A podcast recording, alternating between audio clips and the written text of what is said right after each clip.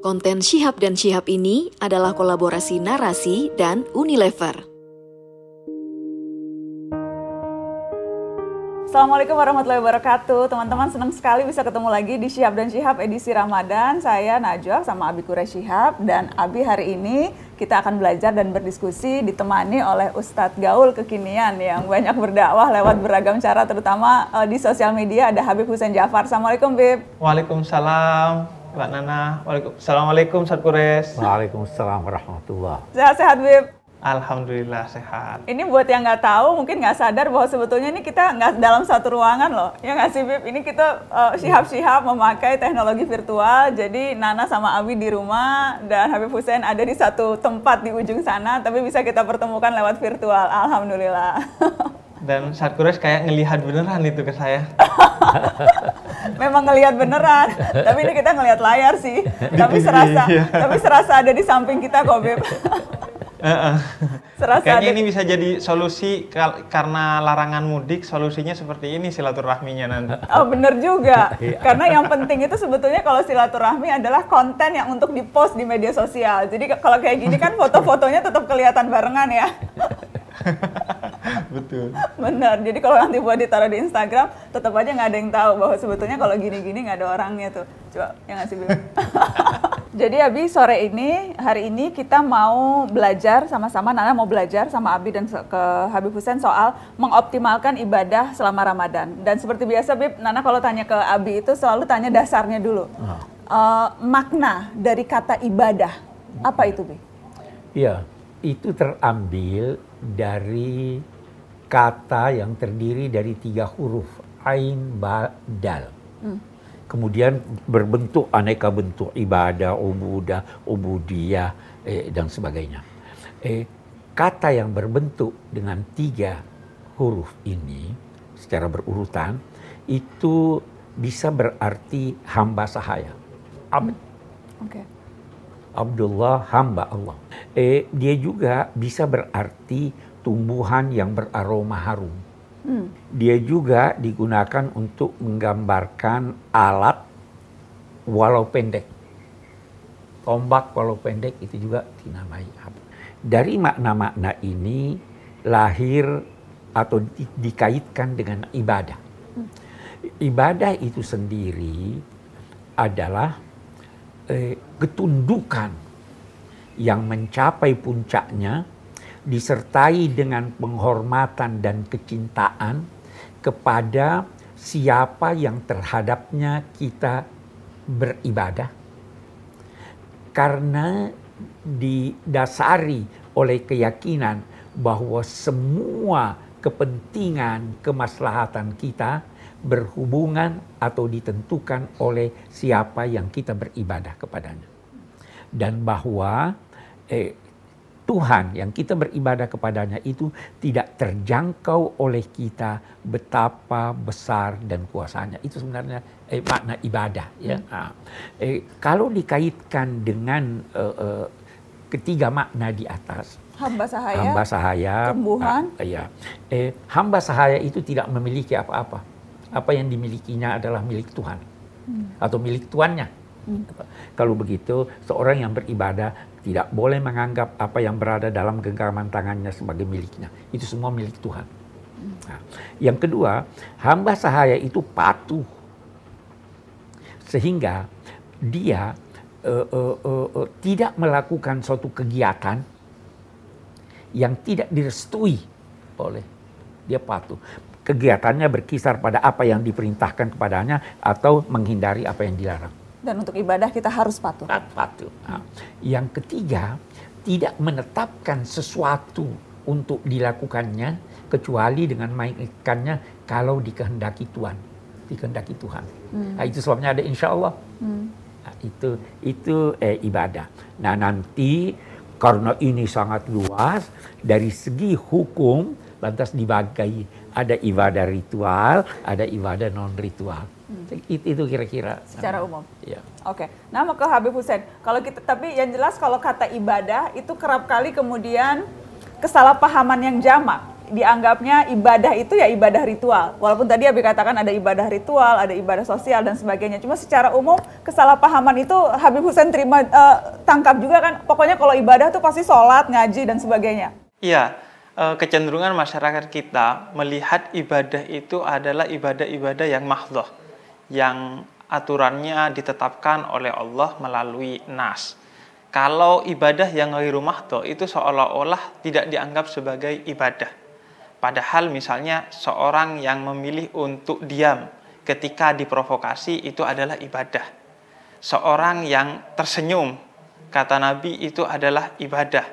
Bahkan e, seorang yang merelakan waktu ketika dia meminjamkan uang kepada saudaranya kemudian di tempo waktu yang telah ditentukan dia tidak mampu bayar, kita relakan waktu misalnya tambahan satu hari atau seminggu dengan ikhlas, maka itu dihitung sebagai sedekah di sisi Allah. Jadi segala hal yang kita persembahkan kepada Allah atas dasar ketundukan sebagaimana yang tadi disampaikan saat Kures, maka itu bernilai ibadah selama tidak ada larangannya. Itulah yang kemudian disebut sebagai ibadah ghairu mahdoh dan intinya ibadah itu bukan hanya ritual, tapi juga ibadah sosial, ibadah kepada sesama manusia dan e, ujungnya semua itu dilandaskan kepada ibadah yang sifatnya spiritual, yaitu menghadirkan hati dalam ibadah kita. Karena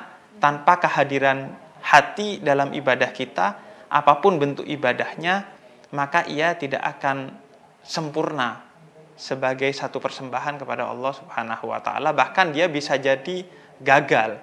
Misalnya menghadirkan hati itu artinya tunduk. ikhlas begitu ya. Apa pun yang kita iya. lakukan iya. ikhlas.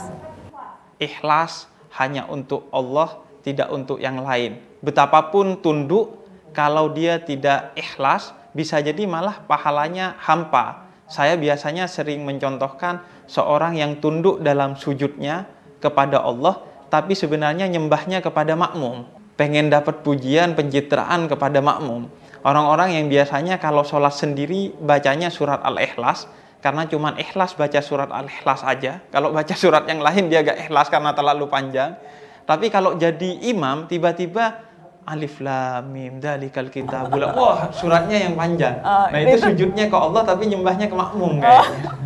jadi jadi tapi kalau misalnya nih nah mau tanya ke Abi juga. Kalau misalnya harus ikhlas uh, mengharapkan pahala mengharapkan mendapat ganjaran dari Allah itu uh, itu ikhlas atau tidak?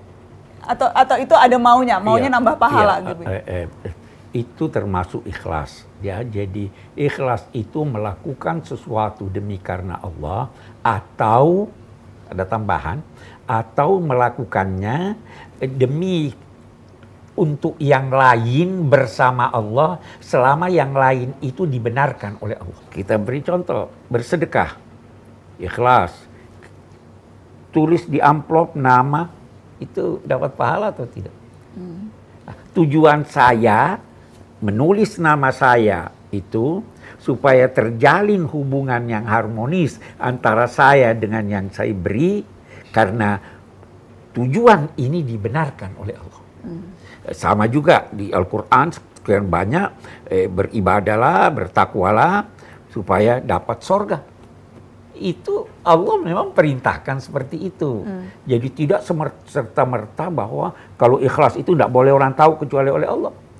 Al-Quran secara tegas menyatakan intubdus sadaqat autukhfuha fanya'imma ya. Kalau kamu bersedekah secara terang-terangan atau menyembunyikannya, dua-duanya baik. Jadi eh, kita harus dudukkan itu. Hmm. Oke. Okay. Ya. Oke, okay. Bi, uh, kembali ke topik uh, kita Bi soal mengoptimalkan ibadah di bulan Ramadan mengoptimalkan itu itu apakah artinya uh, dari awal Ramadan kita harus langsung ngegas optimal begitu?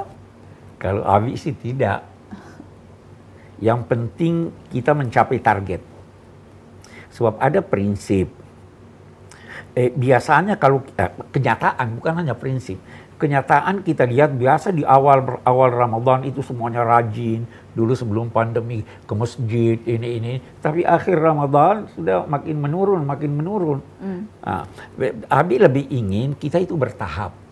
ya dari hari ke hari kita mencapai kemajuan karena itu ada pesan pesannya eh, tidak usah bersaing dengan orang lain hmm. bersainglah dengan dirimu sendiri dalam hal beribadah juga Bi? dalam hal beribadah dalam arti kalau kita mau bersaing dengan orang lain boleh jadi dia terlalu tinggi dalam kebaikannya kita bersaing dengan diri kita dalam arti hari ini saya melakukan ini besok harus lebih baik dari hari ini sehingga pada akhirnya kita mencapai yang optimal sesuai dengan kesanggupan kita. Hmm. Saya jadi tertarik. Hmm. Dan kalau misalnya uh, tadi Abi katakan dan juga Habib Hussein katakan uh, tidak hanya ibadah ritual. Betul. Uh, jadi prioritas utama kalau kita mau meningkatkan ketakwaan kita, kalau kita mau memang uh, menaikkan derajat ketakwaan kita selama bulan Ramadan secara bertahap supaya tidak kedodoran di ujung. Prioritas-prioritas utamanya seperti apa, Abi? Yang pertama memantapkan keimanan.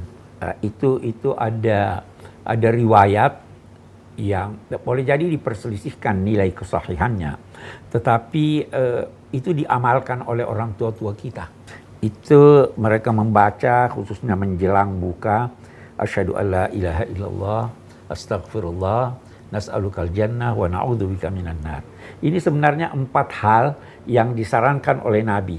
Dua hal yang pertama itu beliau katakan ini menjadikan Allah ridha kepadamu. Dua hal yang kedua itu menjadikan eh, jangan sampai kamu tidak raih selama bulan Ramadan ini. Dua hal yang pertama itu adalah eh, syahadat. Meyakini, memantapkan hati tentang keesaan Allah Subhanahu wa taala. Eh, iman kita ini bisa bertambah dan bisa berkurang.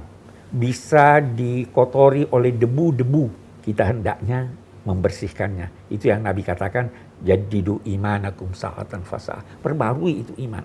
Ada hal-hal dalam kehidupan kita ini yang boleh jadi kita pernah bersangka buruk pada Tuhan. Boleh jadi kita pernah merasa bahwa ada kekuatan yang bisa berdiri sendiri tanpa kehendak dan izin Tuhan. Hmm. Boleh jadi kita bisa menduga bahwa angka 13 mencelakakan. Itu debu-debu yang harus dibersihkan Itu dari syahadat kita. dalam syahadat kita. Hmm. Ya toh. Eh, begitu juga semua orang berdosa. Tidak ada yang tidak berdosa. Maka yang diridhai Tuhan, yang disenangi Tuhan itu juga banyak bertobat, istighfar. Hmm. Ya itu ah eh, dua yang lainnya saya kira sebentar lagi kita lanjutkan. Hmm. Beb, kalau ditanya misalnya, uh, uh, jadi uh, bagaimana caranya kita mengoptimalkan hmm. apa yang kalau hukum ekonomi, apa yang uh, kita lakukan minimal tapi maksimal pahalanya selama bulan Ramadan. Jadi bisa dilakukan terus-menerus sampai akhir tanpa ada uh, rasa apa namanya bosan atau capek atau dan sebagainya. Tapi pahalanya maunya yang maksimal, Beb. Saya memang sebagaimana yang disampaikan saat kures, lebih cenderung menyampaikan agar ibadah itu sedikit demi sedikit tapi istiqomah. Karena konsep keberhasilan dalam ibadah itu dalam tradisi tasawuf adalah riyadhah, yaitu latihan. Latihan itu sedikit demi sedikit yang penting istiqomah. Makanya saya e, sering mengatakan belajar kepada orang yang fitness. Kalau fitness itu langsung ngangkat beban yang banyak, ketika kita pulang ngangkat uh, gayung saja nggak bisa. Betul, penggal tangan. Jadi mending sedikit demi sedikit tapi istiqomah. Karena ini kritik kepada kita umat Islam di Indonesia sebagian yang cenderungnya itu banyak tapi musiman Mbak Nana. Kalau Jumat, oh tiba-tiba alim aja. Sajadah sudah ada di pundak gitu. Tapi di hari lain kendor. Atau kalau di bulan Ramadan, Quran itu kita peluk erat-erat, kita baca terus. Padahal di luar bulan Ramadan Qurannya nangkring di atas lemari biasanya itu. Jadi pajangan aja. Nah, lebih baik sedikit demi sedikit tapi istiqomah. Karena itu kalau kita mengacu kepada Nabi, kalau bisa startnya dari bulan Rajab sudah. Mempersiapkan diri untuk sampai di bulan Ramadan sehingga ketika Ramadan kita sudah bisa optimal dalam beribadah kepada Allah gitu. Dan eh, kalau terkait apa yang menjadi target di bulan Ramadan, kalau menurut saya di tahun ini untuk generasi milenial itu adalah e, menghilangkan e, terapi untuk menghilangkan rasa marah di dalam dada kita, Pak Nana. Karena ciri orang yang bertakwa yang menjadi tujuan dari puasa kita itu dalam Al-Qur'an kan alladzina yunfikuna fis sarra'i di antaranya adalah uh, wal kadimina ghaidha wal afina anin nas. Uh, yaitu orang yang bertakwa itu dia uh, gak marah walaupun dipancing marah, memaafkan orang yang mancing marah dan bahkan memberikan kebaikan, membalas kebaikan bagi orang yang mancing kita marah. Soalnya ini yang biasanya jadi problem generasi muslim milenial, gampang banget marah, khususnya di media sosial. Uh, sedikit-sedikit marah, sedikit-sedikit marah. Saya kadang nanya, marah kok sedikit-sedikit gitu, aneh juga. marah sekaligus saja. marah sekaligus saja. Jadi mereka gampang marah, gampang tersinggung Bahkan sesuatu yang tidak menyinggung dia, dia baper, ngerasa menyinggung dan marah. Karena di di jalanan itu biasanya kan puasa seharusnya bikin kita gak marah. Ini puasa jadi alasan untuk kita marah. Senggol sedikit, jangan senggol. Saya lagi puasa. Jangan dipancing marah. Seolah-olah puasa justru penyebab dia marah gitu. Padahal kata Nabi kalau kamu berpuasa janganlah kamu jadikanlah puasa kamu sebagai penyebab untuk kamu tidak marah. Ini soaim, saya berpuasa katakan kepada dirimu. Nah ini juga terapi bagi kita untuk stop marah-marah di media sosial, di dunia nyata, di di bulan puasa ini. Mari kita targetkan uh, itu sebagai target dari uh, puasa kita. Karena ini juga sekaligus mengkritik lapar itu kan identik dengan gampang marah, Mbak Nana.